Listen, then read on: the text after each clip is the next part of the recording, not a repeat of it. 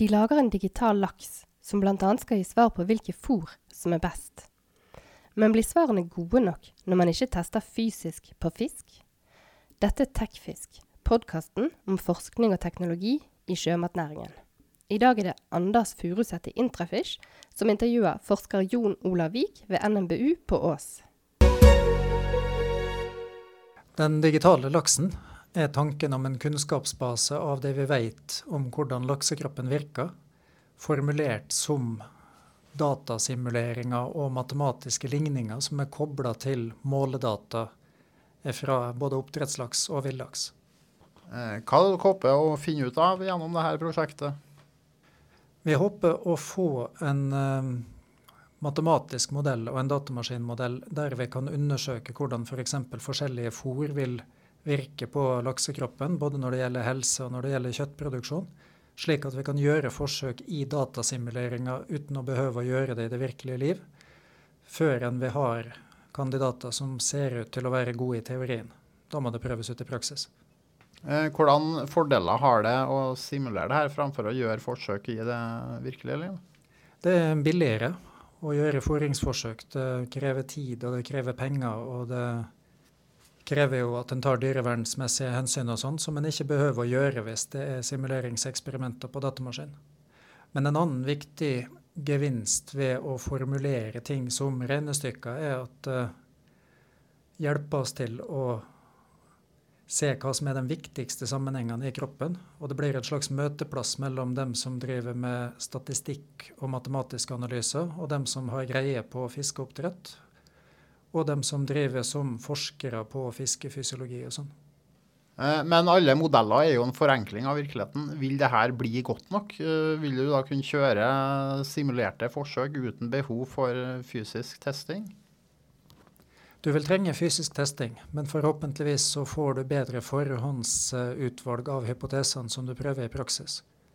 Og som du sier, så er det et kjernepoeng at en modell er laga for å framheve noen fenomener og tone ned andre og det er en styrke. Så det betyr at den digitale laksen skal ikke bli én gigantisk modell som redegjør for alt, men det blir mer som et bibliotek av modeller for forskjellige fenomener som kan foregå eller ikke foregå. Og så kan de knyttes sammen som komponenter i simuleringa for å belyse mer kompliserte problemstillinger etter hvert. Ja, så Du har fordeler med kostnader, fordeler med dyrehelse. Har du andre fordeler, og har du noen ulemper med simuleringa? Det er en god måte å se ting i sammenheng og i sammenligning med det en vet fra før. Sånn at når du har f.eks. en matematisk modell, og så får du måledata på tusenvis av gener og tusenvis av molekyler i kroppen, så er det flere tall enn du greier å overskue ved bare å se på dem. Ved å tilpasse en modell og estimere parametere, som det heter, så får du karakterisert denne kjempehaugen med tall på en måte som er relevant for forståelsen av hvordan kroppen virker. Sånn at det eh, er en veldig god referanseramme for å kunne sammenligne forskjellige stammer av laks eller forskjellige fôringsscenarioer og sånne ting. Kan du fortelle litt hvordan eh, arbeidet foregår, sånn helt konkret? Hvor mange er involvert? Hvor lenge har dere holdt på? Hvordan gjør dere det? Det er et veldig tverrfaglig arbeid, fordi at vi prøver å få til en veksling mellom modellering og eksperiment i dette her. Så vi har med folk som kan mye om å lage fôr til fisk. Vi har med folk som kan å kjøre akvarieforsøk, og som vet hvordan ting foregår i merdene. Men vi har også med molekylærbiologer som kan måle uttrykk av gener og mengden av biomolekyler. Og så har vi statistikere og matematikere som kan beskrive dette matematisk. Vi begynte prosjektet i 2016 som en del av det som heter Senter for digitalt liv Norge. Som handler om på samme måten å matematisere biologisk kunnskap og knytte det til verdiskapning i samfunnet. Så den digitale laksen er på en måte produksjonsbiologibiten av det. Det vi gjør konkret til hverdags, er å samle biologisk materiale fra f.eks. fôringsforsøk. Og så kjører vi molekylærbiologiske analyser på det og får litt bildedata fra mikroskoper. Vi får masse talldata fra gensekvensering og måling av genuttrykk og sånn. Og så sendes dette videre til modellererne, som prøver å finne mønstre i det. Og de mønstrene blir diskutert med biologene for å høre om det virker rimelig, om vi kanskje får noen gode ideer ved å analysere dataene. Så kan vi designe nye eksperimenter som enten kan gjøres i faktiske fôringsforsøk, eller i laboratoriedyrking av bare tynne biter av f.eks. lever, eller forsøk som bare kjøres som rene simuleringer. Eh, og arbeidet foregår hovedsakelig her på Ås, eller, og hvor mange personer er i sving? Her på Ås nå, i den digitale laksen, så har vi folk som jobber fra to nært tilkobla prosjekter. Så vi er fire stykker som jobber med modellering på heltid. Og så er det kobla inn andre forskere enn uh, ti stykker i tallet. Og så har vi en heltidsstilling på prosjektet på NTNU i Trondheim, og igjen kobla til fastansatte der oppe. Så har vi et par årsverk i Bergen, og så har vi industripartnere, et avlsselskap og et fòrselskap. Vi har også partnere i Stirling i Skottland som kan mye om uh, genetikk og ernæring hos fisk. Og vi har partnere i Nederland som uh, har greie på det å knytte sammen store kunnskapsmengder på nye måter. Eh, er det her noe helt unikt, eller gjøres det tilsvarende arbeid på andre typer arter? Dette er en skamløs kopi av det man prøver å gjøre i menneskelig medisin. Og det man har gjort ganske lenge i industriell mikrobiologi, altså når hun studerer f.eks. gjær og andre encella organismer. Så vi tråkka i løyper som er veldig godt oppgått for andre arter, men som foreløpig ikke har vært brukt i husdyrproduksjon. Eh, senteret ble etablert i 2016, og det er etter det jeg forstår finansiert av Forskningsrådet, pluss industripartnere og akademiske institusjoner. Kan du fortelle om selve senteret? Eh, Senter for digitalt liv Norge, tenker du? Mm.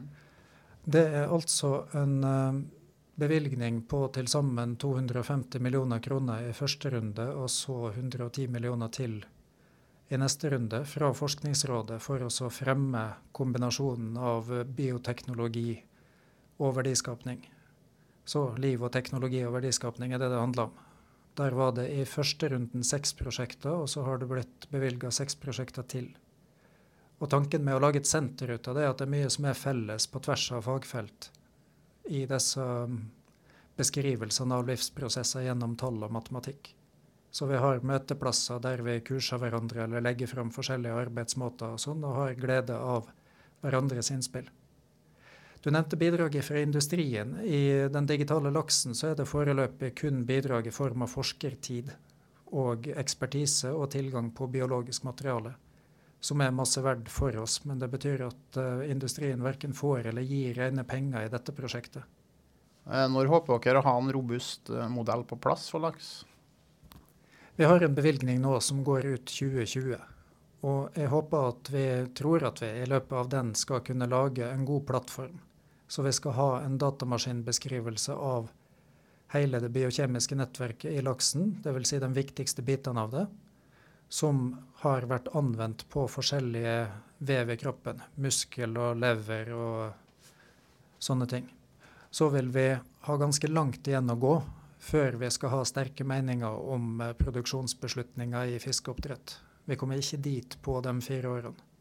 Men vi har begynt på en matematisering av forskning og utvikling på fiskeoppdrett som må gjøres, og nå legger vi grunnmuren. Hva er planene fremover? Vi tenker at når vi kan demonstrere at matematisk modellering hjelper oss å få innsikter som vi ikke lett kunne fått på andre måter, så vil vi prøve å få et sterkere samarbeid med industrien. Og ha knoppskytingsprosjekter på dette her som angriper utvalgte problemstillinger som er både relevante for verdiskapninga, og som vi klarer oss å studere i eksperimenter, og som vi har matematiske rammeverk for å beskrive. Sånn at den digitale laksen skal vokse i hvilke fenomener den favner, prioritert ut ifra hva som er både viktig og gjennomførbart. Du har nå hørt på Tekfisk, podkasten om teknologi og forskning i sjømatnæringen. Du kan abonnere på podkasten i iTunes eller din faste podkastspiller. Spre gjerne ord om podkasten til alle du kjenner. Vi høres igjen!